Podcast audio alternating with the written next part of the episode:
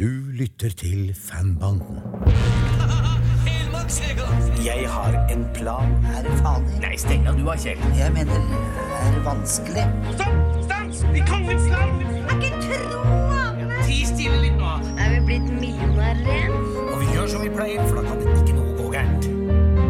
Med Knut Foss, Torgeir Egna og Johannes Slettedal. Ja, da sier vi hjertelig velkommen til fanbanden. Kalenderen viser eh, 2019. Det betyr det at det er 50 år siden den første filmen om Olsenbanden ble vist på norske kinoer. Vi er altså inne i et eh, jubileum, et 50-årsjubileum, og hva passer vel ikke bedre enn å markere det hele? Blant annet, får vi vel si, med en podkast. Og bak mikrofonene så sitter hvem da, karer? Ja, bak mikrofonen sitter eh, Torgeir. Og Knut. Og vi skal eh, prate om uh, i dag den første filmen som hadde premiere for nøyaktig, snart nøyaktig 50 år siden. Ja, den 11. august 1969 at den første Olsenbanden-filmen eh, kom på kino. Det var vel Saga kino den første filmen hadde premiere. Jeg har planer. Store planer. Er det sant? Klart det vel. Det det sier. Egon ordner alt. Og hva er så spesielt med denne filmen, Torgeir? Det er mye. Eh, For det første at det er 50 år siden den eh, kom ut. Og at det er på en måte startskuddet for eh, en veldig ikonisk filmserie da, i, i Norge, men eh, også Danmark, da. Og til dels Sverige.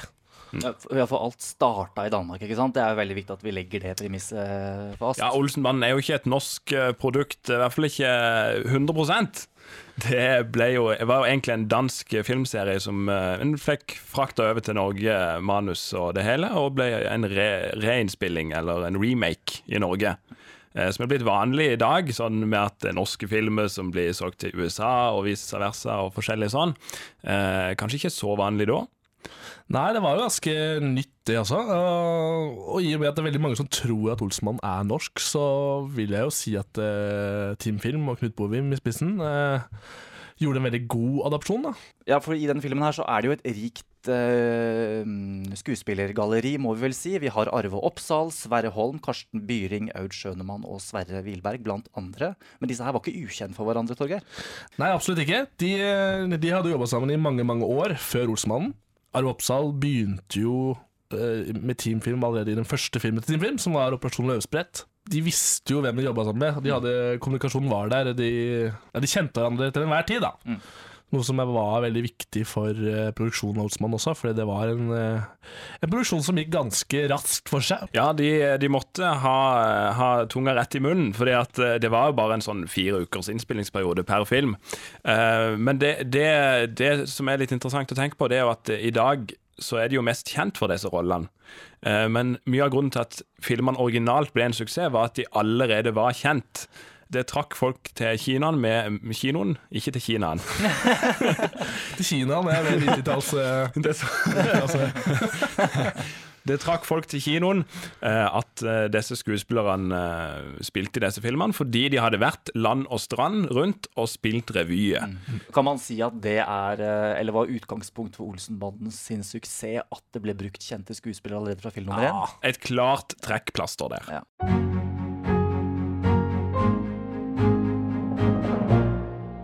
Så vi har vært litt inne på casten til de som uh, spilte hovedrollen i Olsenbanden. Men jeg foreslår at vi går litt inn på hvem vi er ja, nå. Nå har vi snakket litt om Olsenbanden, men hvem er vi? Ja, Hvem er disse gale menneskene som driver og maser og kjaser vi- om all verdens fakta om Olsenbanden? Hvis vi starter med han som sitter ytterst på eh, enden her, da. Det er det? Knut Foss. Ja. Hva var det som fikk deg til å bli så begeistret og fascinert av Olsenbanden, egentlig? Hm. Ja, altså Jeg er jo født på 90-tallet, så jeg så jo Olsenbanden på lørdagskvelden på TV 2 eh, på 90-tallet. Eh, hadde stor fascinasjon for det. Spilt, tok det opp på VHS, og så det om og om og om igjen. Uh, og uh, til slutt så måtte foreldrene mine teipe over de filmene, for de syntes nå ble det litt for mye. Men denne fascinasjonen fortsatte litt sånn i det små. Uh, Fram til jeg begynte å bli litt filminteressert utover det å se på filmen, heller å lage litt film og sånt. Og da begynte jeg å grave litt med hva er historien til Olsenbanden. Jeg ble litt filminteressert, sånn historiefilm. Historisk.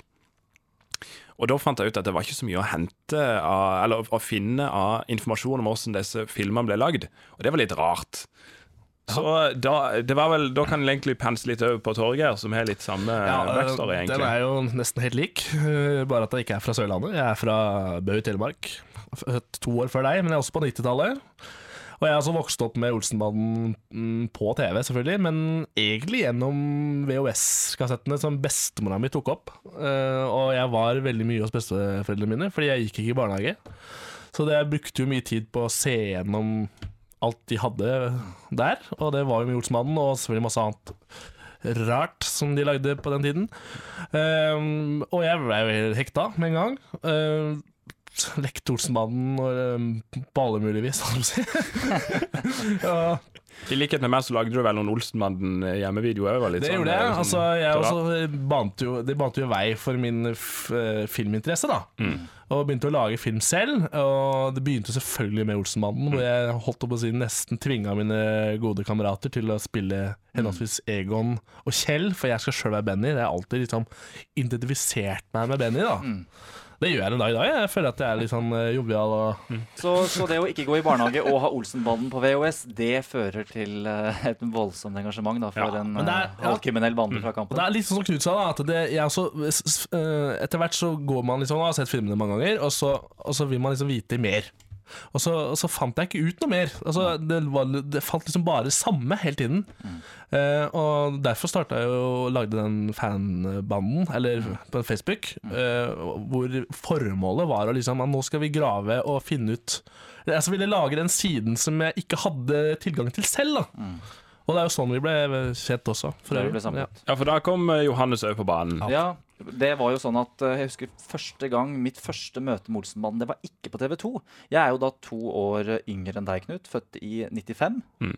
Og eh, jeg husker mitt første møte med Olsenbanden, det var på en DVD som jeg fant på en bokbuss, som jeg tilfeldigvis kom over når jeg skulle sykle hjem fra skolen i 5. klasse, tror jeg. Så da var jeg jo ikke mer enn eh, ti år cirka, og jeg ble jo uh, med en gang enormt begeistret for denne banden. For jeg hadde jo allerede fra før et grunnlag fra Olsenmannen junior, som hadde gått på TV 2, denne julekalenderen, som dere sikkert husker også. Ja, Det er forskjellen på oss, da, fordi du på en måte ble introdusert med Olsenmannen junior, Ja, mens ja, vi var jo introdusert med seniorbanden, og fikk liksom Når junior kom, så visste vi på en måte hva vi gikk til. Ja. Så, så, det, så det er min inngang da, i dette Olsenmann-universet. Men jeg tror alle oss tre sin eh, lengsel etter eh, å vite mer har egentlig vært utgangspunktet for at vi ble samlet sånn rundt 2014-2015. For da var det en Facebook-side som du, du nevnte den så vidt i sted, Torgeir. Ja, som du starta. Og den eh, hang først du der på, Knut, og så kom jeg. Og med det så var vi da tre karer som var engasjert i tre fyrer i Olsenbanden, som ble starta av tre fyrer i Team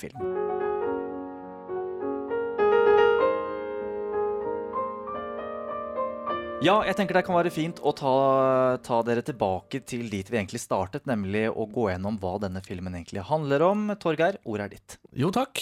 Eh, filmen åpner jo med at vi blir introdusert for Olsenbanden, som skal gjøre et kupp i Sofien Nei, eh, Sofies gate. Sofies gate. Ja. Og Det er liksom startskuddet, og så blir Egon arrestert. Og så kommer han ut igjen med en plan under armen, og planen er eh, å stjele den eh, berømte tyske statuetten som skal utstilles i Norge, Keiseroppsatsen. ja, som er verdt 12 millioner kroner. Er du sikker på at den der er verdt 12 millioner? Ti stille. Lat som ikke noe. Nå nei, Olsen.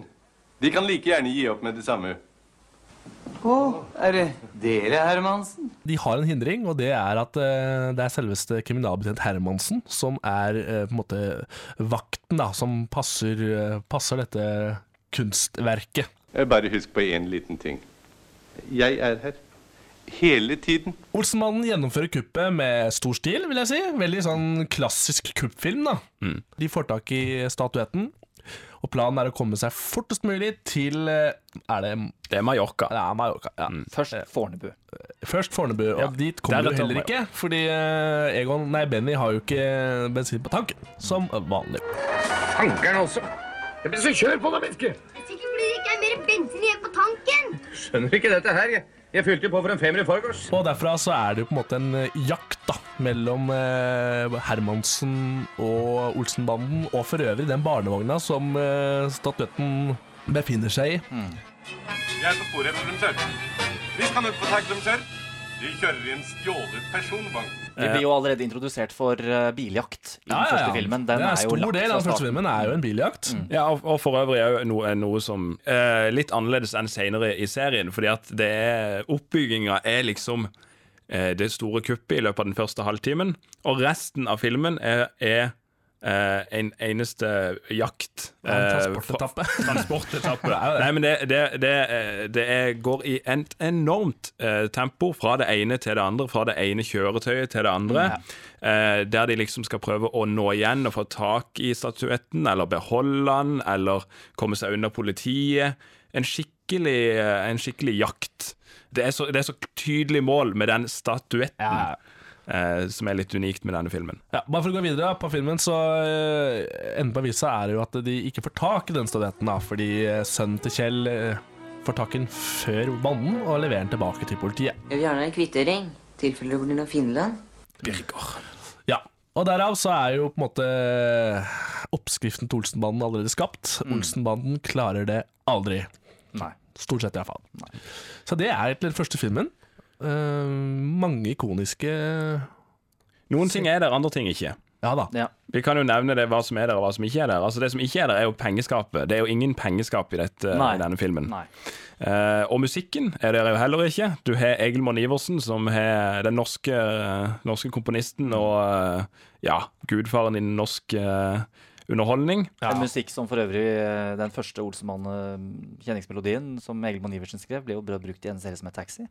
Ja, actionmusikken. Ja. Det, det var jo noe vi fant ut eh, for ikke så lenge siden. Ja. Vi laget samme året, så eh, der, var, der brukte han litt elementer. Litt gjenbruk, rett og slett. Ja. Ja. Sikkert mye å gjøre, så Det hadde han definitivt, hvis du ser på alt det han har fått til. Men han hadde musikken, så dere, er kanskje kjent med hvordan Olsenbad-musikken til vanlig skal øh, høres ut som. Men hvis vi bare lytter, så er dette en litt annen variant.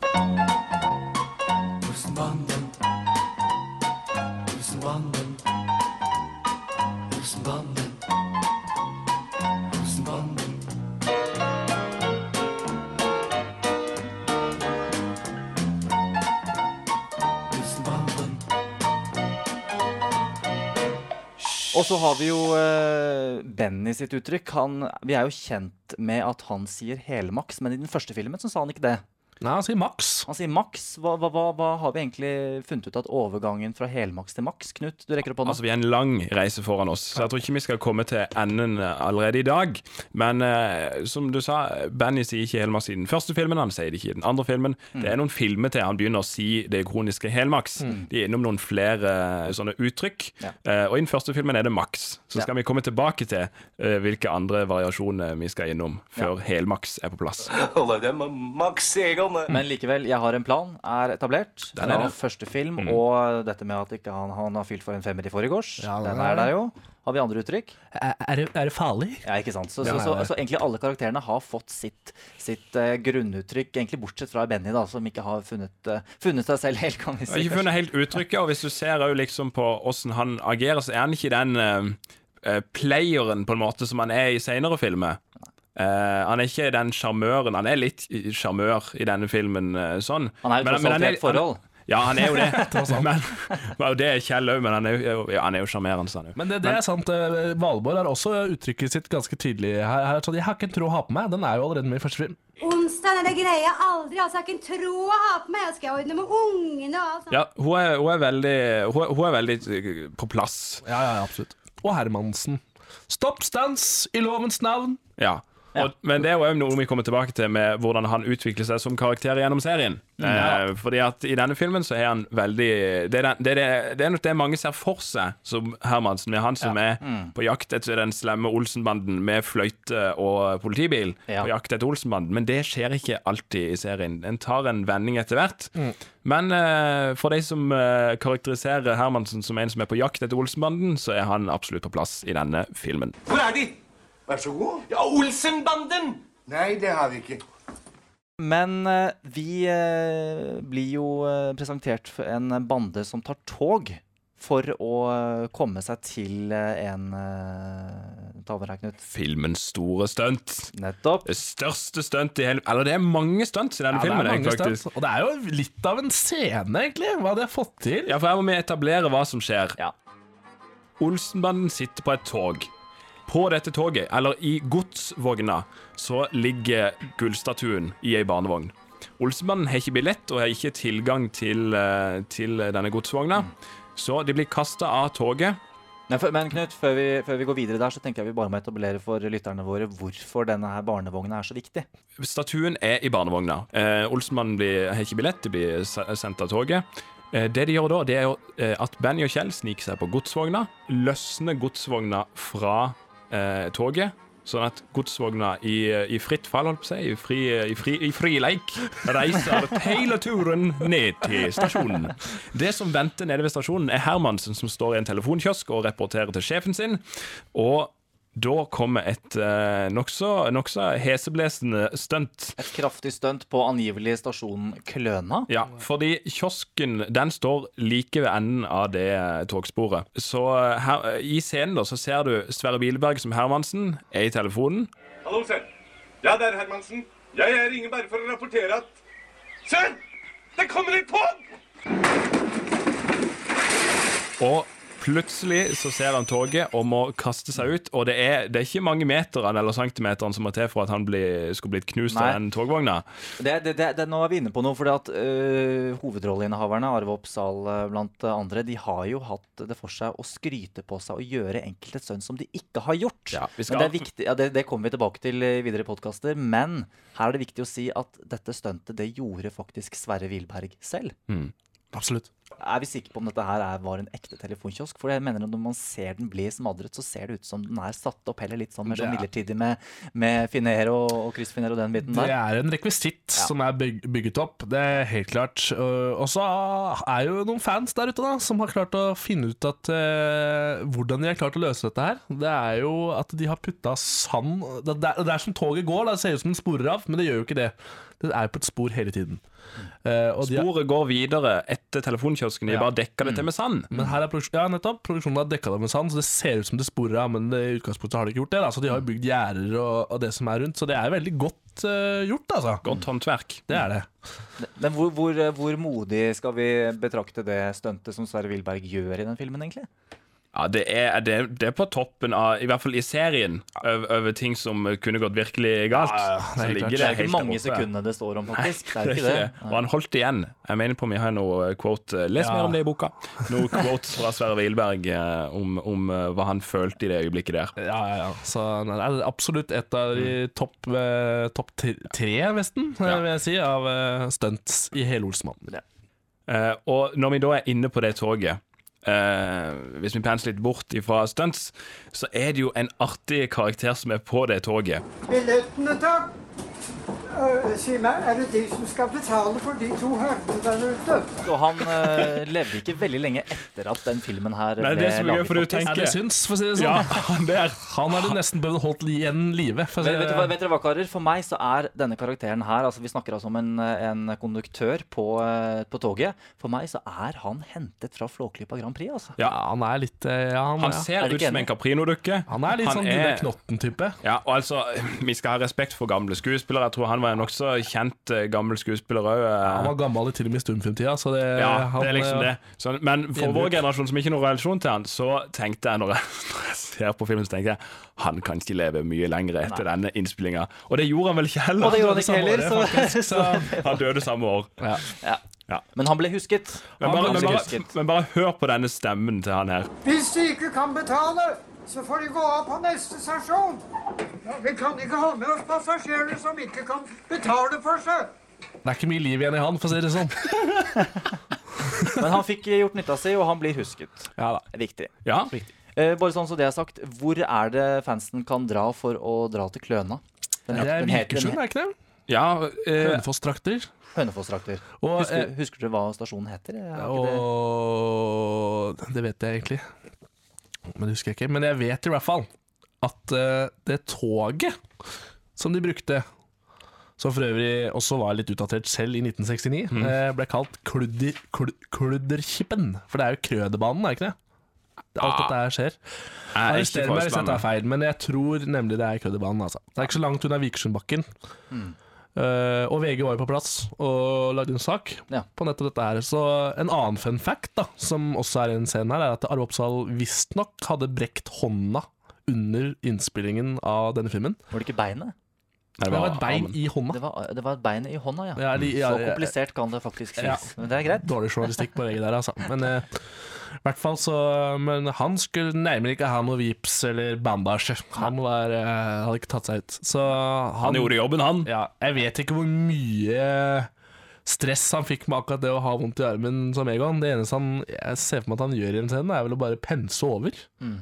Ja. Så løper han jo stort sett og sitter på med Benny når han kjører. Og... Det er ikke så godt å løpe når du har en brekt arm heller, da. Så det Men en som virkelig kunne brukket både armer og ben, det er Sverre Wilberg når han i en scene løper etter en eh, varebil. Hei!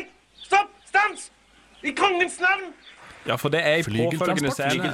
Altså, vi går fra action til action til action. Altså, det, er en, for- det er en eh, spekket film vi snakker om. Ja, det er si. god, Det er altså. virkelig god. og godt klippa. Altså, han er jo eh, litt for kort, på en måte. Han varer i sånn 1 time og 18 minutter. Men han tre hadde ikke trengt å være lengre. Men det viser bare at de har liksom ikke pusha for å ha han nei. litt lenger for å fylle en og en halv time. Det var jo tross alt fargefilm vi laget her. Ja, ja, det er klart. det er dyrt. Så det blir dyrt. Men eh, etter denne togscenen vi var inne på, så er det jo da eh, Hermansen som eh, løper videre etter Olsenmannen, som nå har tatt en eh, flygeltransport, en lastebil, hvor Sverre Wilberg da skulle hoppe på den eh, lastebilen. Jo, han skulle hoppe på, på, på lemmen, holdt jeg på å si. Og i det momentet han er på lemmen, så skulle Sverre Holm, som kjørte flygeltransporten, gire opp for å komme litt raskere av gårde. Og i den situasjonen det skjedde, da, så falt jo Sverre Wilberg av istedenfor å komme seg videre opp. Og Ja, for det er jo ikke logisk at de skal gasse på når han først kommer seg på, på lemmen, for da går han jo øyeblikkelig tilbake. Ja, jeg vet ikke helt uh, baktanken der, men iallfall det at han liksom skulle balansere helt på kanten, Ja, og så og det gjør han. og så Det gjør han jo faktisk i filmen. Gjør han i Absolutt med liv og død i, eh, på Men, hver ende. men det, det fins en tagning før den vi ser i filmen. Ja, det må du gjøre. Fordi at Han tryner jo ikke i den filmen, så Nei, han gjør ikke det, fordi han, han tryna så skikkelig da de skulle spille inn dette her. Så, eh, så han var blodig og hadde revna opp den fine, den fine detektiven. Skreddersydde dressen. Og Ja. hva er det Knut Bovim hadde sagt da når han står der? eh, Ja, han, eh, Knut Bovim har sagt at eh, han ble, så, eh, ble litt som så sur og gira at han sa la oss ta en tagning til før sverdet stivner. Rett og slett. Ja. Så, eh, Harde kår, altså. Harde kår, og nokså tight innspillingsplan òg, etter det vi har forstått. Så absolutt. For de startet i eh, Hva var det det var? I april, og det skulle være ferdig eh, Det var 28. april at den første eh, innspillingsdagen var, og så var det da premiere 11. august. Ja, Så det er jo heftig, altså. helt sjukt. Og da skal det Folk må tenke på at det skal klippes, det skal gjøres lydetterarbeid. Eh, og det, det er helt vilt. Musikken skal komponeres, alt skal være på plass. Ja. Så dette har vært et rotterace. Rett og slett. Og fra ett uh, stunt til et annet. Det er virkelig uh, Det er stuntenes film, dette her, da. Rik, rik på filmstunt, det må Ja, jeg bare altså, si. Vi skal, jeg, tror, jeg, tror, jeg tror dere vet hvor jeg vil hen, karer. Vi skal til Mjøsa. Og Hermansen er fremdeles hovedkarakteren, dvs. Si nesten i en bil som kjører utfor et fergeleie. Ja, det er jo avslutninga på ferden for Hermansen. med at Filmen avslutter med at uh, I denne filmen, må vi si. Ikke, Ja. ikke for Ja. Hermansen. Nei, han, han omkom ikke i den eh, karakteren, altså. Uh, eller skuespilleren. Men bilen. Ja. Nei, for det, som du sier, så kjører de utfor et ferjeleie med, med bilen til Hermansen, og han uh, Den bilen går rett til bunns, den. Heldigvis så sitter jo ikke Sverre Wiberg i, det er en, eh, det er en dukke. Eh, til irritasjon for regissøren så eh, var, de, var de ikke så snartenkte, så de, så de kledde opp dukka med Hermansens dress. Så den gikk jo òg til bunns, da. Og eh, ja, de, de hørte vel med, med eieren av Mjøsa, holdt på å si. Mjøsa. Kongen? Nei, Mjøsa AS her.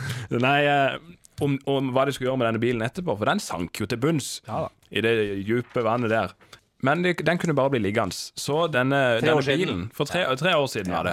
Så ble denne bilen funnet igjen i bunnen av Mjøsa. Det var noen, et dykkerteam som, eh, som hadde leita etter denne her etter en stund, tror jeg. Eh, ja, Det har vært en sånn derre treasure for eh, Ja. dykkere der oppe. Om den fortsatt fins. Og langt nede i mudder og drit så ligger denne bilen fortsatt.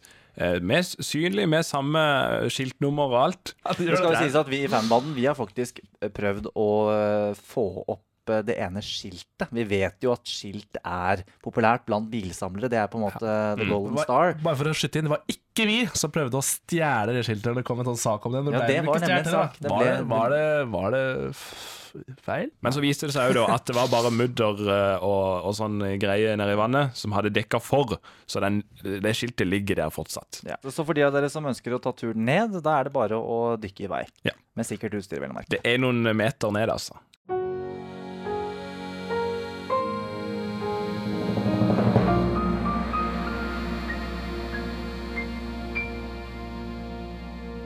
Ja, gutter, vi fortsetter. Eh, Som vi nevnte i starten her, så er jo ikke dette her en, eh, en helnorsk film. Vi har hentet ideen fra Danmark. eh, Erik Walling og Henning Baas, Mm. som skrev manuset.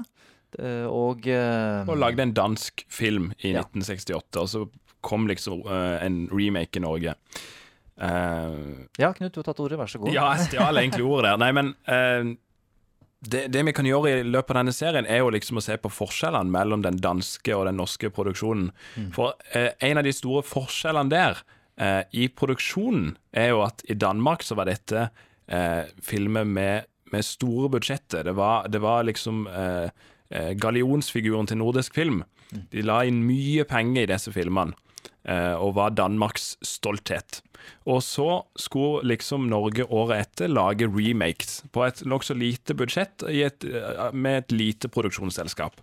Så det blir litt interessant å se på hva som er gjort for å få disse endene til møtes Ja. eh, i den, eh, gjennom filmserien i innspillinga. Eh, men det vi ser i den første, er jo at her, i denne filmen, så er det nokså likt den danske originale filmen. Ja, du kan nesten se de opp mot hverandre, og de kan nesten gå på timecode. Uh, hvor like de er, altså. Rett og slett. Samme Det- utsnitt, de har fått samme dreiebok. Men Helt det var, Ja, øh, la oss si det, det var vel også en del av forutsetningen Helt for sikkert. at Knut Bovim og Team Phil kunne ta i dette her. Nettopp at de gjorde det som danskene hadde allerede gjort det. Kuppet finner sted på onsdag. Så sent, at vi lige kan nå i lufthavnen og komme afsted, inden de opdager, hvad der er sket. Det Skide smart. Kuppet må skje på onsdag, så sent at vi akkurat rekker ut til flyplassen og kommer av gårde før noen oppdager hva som er skjedd. Max. Og, og nettopp det at, at danskene synes sin film som de laget i 1968 funka så bra, det gjorde at de eksporterte det til Øst-Tyskland. Og der ble det stor Der fikk filmene, de danske filmene stor suksess. Danskene fikk altså lyst til å eksportere den norske filmen også, men de prøvde et annet land, Ja. nemlig Frankrike. Ja, og da kan du ikke sende Altså, ja, for å være presis på det, altså den norske versjonen av Olsenbanden ble da transportert over til Frankrike for å bli vist på kino. Men det er klart, da kan du ikke bruke stemmen til Arve Oppsal og Karsten Bjøring og Sverre Holm.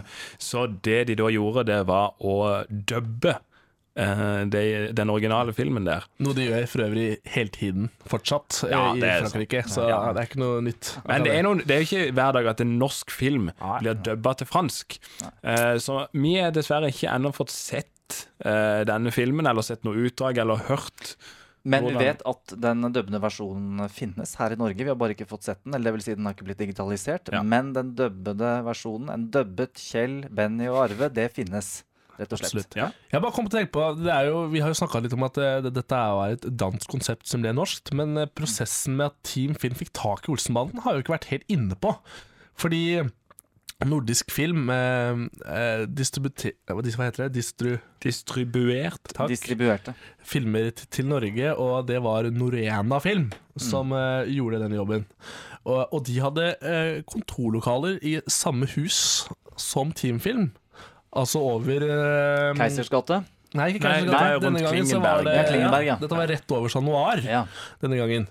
Uh, og da var jo bare tilfeldighetene ville ha det til at uh, Harry Ottersen, da, som var sjef i Norena Film, bare gikk over gangen til uh, Knut eh, Bovim og sa at hei, du, kan ikke du se på dette, det har fått en dansk film. Og så, sånn begynte det, da. At, Ja. ja. ja, kanskje vi kan gjøre noe med dette. Så ville de lage en egen norsk versjon fordi de syntes den danske kanskje var litt overspilt, som du sa. Ja, Passa ikke det norske publikum. Uh, og det skal også sies at uh, alle Olsemann-filmene ble jo klippa i Danmark. På Nordisk Film sine studioer. Ja, Og for, å, for å følge prosessen i Norge til punkt og prikke, så fikk de faktisk en danske til Norge for å følge prosessen. Ja, det tror vi i hvert fall. Det er, er en dansk herre som het Sten Hassager, som eh, for øvrig eh, ene stasjonen eh, på, på, i filmen heter Hassager. Ja. Um, han tror vi, da, vi har jo ikke fått det her helt uh, bekrefta, men at uh, han var sendt over fra Danmark til Norge for å ja, bivåne den første produksjonen. Fordi han var også eh, regiassistent på den første danske filmen, og Ja. han var produksjonssjef i den norske. Ja. Det er jo ikke så lett å få bare så det jeg har sagt, det er ikke lett å få ting bekrefta i den rollen vi sitter. For Nei. veldig mange av de vi gjerne skulle fått bekreftelse fra, de er nemlig ikke blant oss lenger. Nei. Ja, for Det er et ganske solid besøkstall vi snakker om eh, på den første filmen. Og hvor mange nordmenn var det som egentlig så den på kino? Vi har et tall her. 523 000 nordmenn. Ja, det er jo en halv million. Det er helt sjuke tall. Uh, I hvert fall på den Eller, eh, eller jeg vet ikke åssen det er. Altså, dette var jo rett TV hadde holdt på noen år, så kinoen hadde begynt å gå ned litt. Men det, det, var, det ble sett på som en kassasuksess. Mm. Uh, jeg har ikke noen andre filmer å vise til fra samme år, eller sånn, men det ble sett på som en kassasuksess. Mm. Og når da et manus for den neste danske filmen kom på bordet, så lagde man da en remake av den eh, av nummer to. Olsenmann og dynamitter, som vi skal komme inn på neste Ja, episode. neste episode. Men jeg skal også skyte inn at eh, 523 000 eh, folk er veldig bra, med tanke på at det kun var åtte kopier Ja.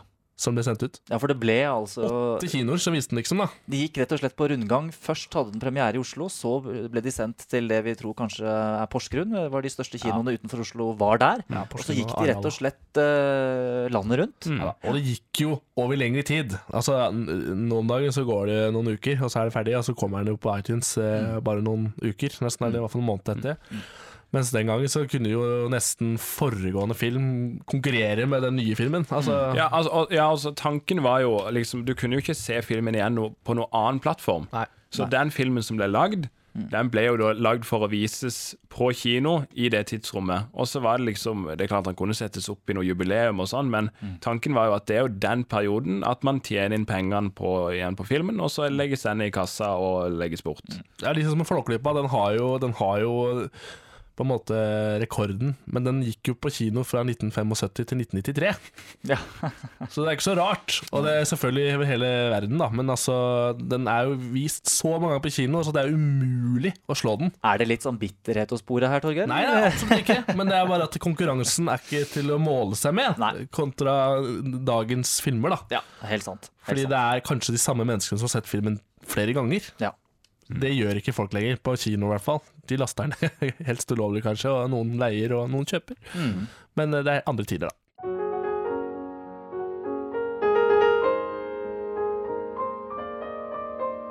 Ja, karer, da tenker jeg det kanskje er på tide å oppsummere litt. Vi har eh, sagt mye bra om filmen. Noen ting har ikke vært på plass. Noen ting eh, kommer etter hvert i løpet av filmserien på 14 filmer. Men i den podkastserien her så har vi eh, tenkt å gi hver enkelt film en karakter. Det vil si, vi har valgt å lage et system på ti bowlerhatter, der ti bowlerhatter er maks, én er minst. Og da, gutter, da tenker jeg vi skal gi den, stemmen, eh, den filmen her Hvor mange bowlerhatter fortjener filmen? Eh, Skal du begynne, Torgeir, eller skal jeg? Ja, bare begynne. Ja. Nei, jeg, jeg setter denne filmen på tross av at, den, at ikke alle ingrediensene er der, og det er liksom ikke 100% Olsenbanden-film, så setter jeg den også høyt i forhold til story og oppbygging og eh, nå har jeg gått filmskole, så det er jo sånne ting jeg tenker på. Men, men han har han har noen eh, Selv om ikke alle de vante ingrediensene er der, så har han noen ingredienser som gjør han veldig underholdende. Det er klart det er jo noen, noen litt sånn vovede scener òg, som eh, for min del trekker ned. Fordi at det er jo egentlig For min del trekker opp. Ja. Enig med deg, Torgeir. ja. Nei, ja, men altså Hvis en tenker at Olsenmannen skal være liksom en sånn familieserie, men, men det er klart det var litt mer på kanten i 1969 enn det er i 2019. Men jeg setter han også høyt, altså, så jeg tror jeg vil se, gi han en uh, Jeg tror jeg skal gå opp til eh, seks av ti bowlerhatter. Jeg kan eh, ta over der, fordi at uh, for meg som ikke har gått filmskole, men jeg, jeg kan jo vurdere filmen ut ifra rett og slett hvor underholdende den er. Og jeg tenker at det, det viktigste for meg i en sånn type vurdering er jo da hvor eh, lett det er å, å henge med, hvor lett det er å følge filmen, og hvor karakterene til enhver tid er. Og vi kommer tilbake det, til det i episode tre. Da vi- skal vi snakke om Olsenbanden tar gull.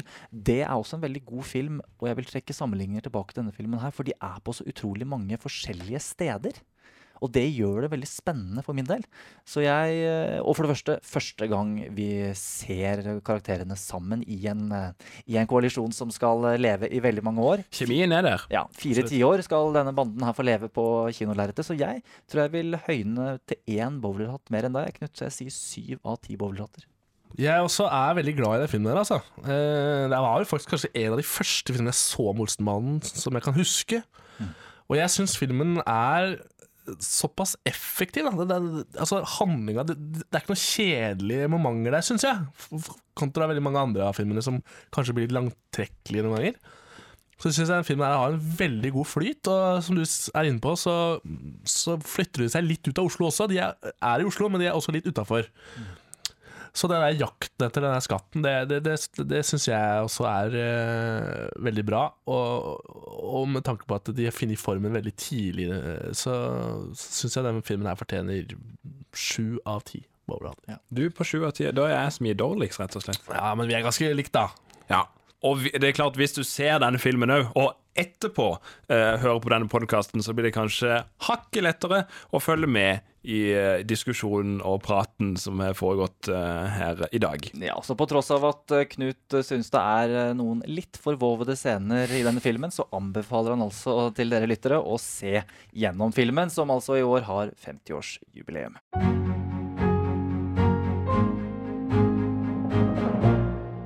Og det jubileet det sparkes jo allerede i gang nå på tirsdag 4. juni klokken 15.30 på Kampen. Da er det klart for en avdukning. Da skal det avdukes et blått skilt utenfor Olsenbandenhuset på Kampen.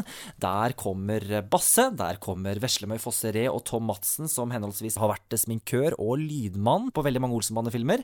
Og så eh, skal du ikke se bort ifra at det er mulig å få se en original bil, og ikke bare hvilken som helst originale bil, men nemlig den originale Olsenbanden-bilen fra 1969. For dette er jo det som skal sparke i gang en slags Olsenbanden-uke som nå kommer.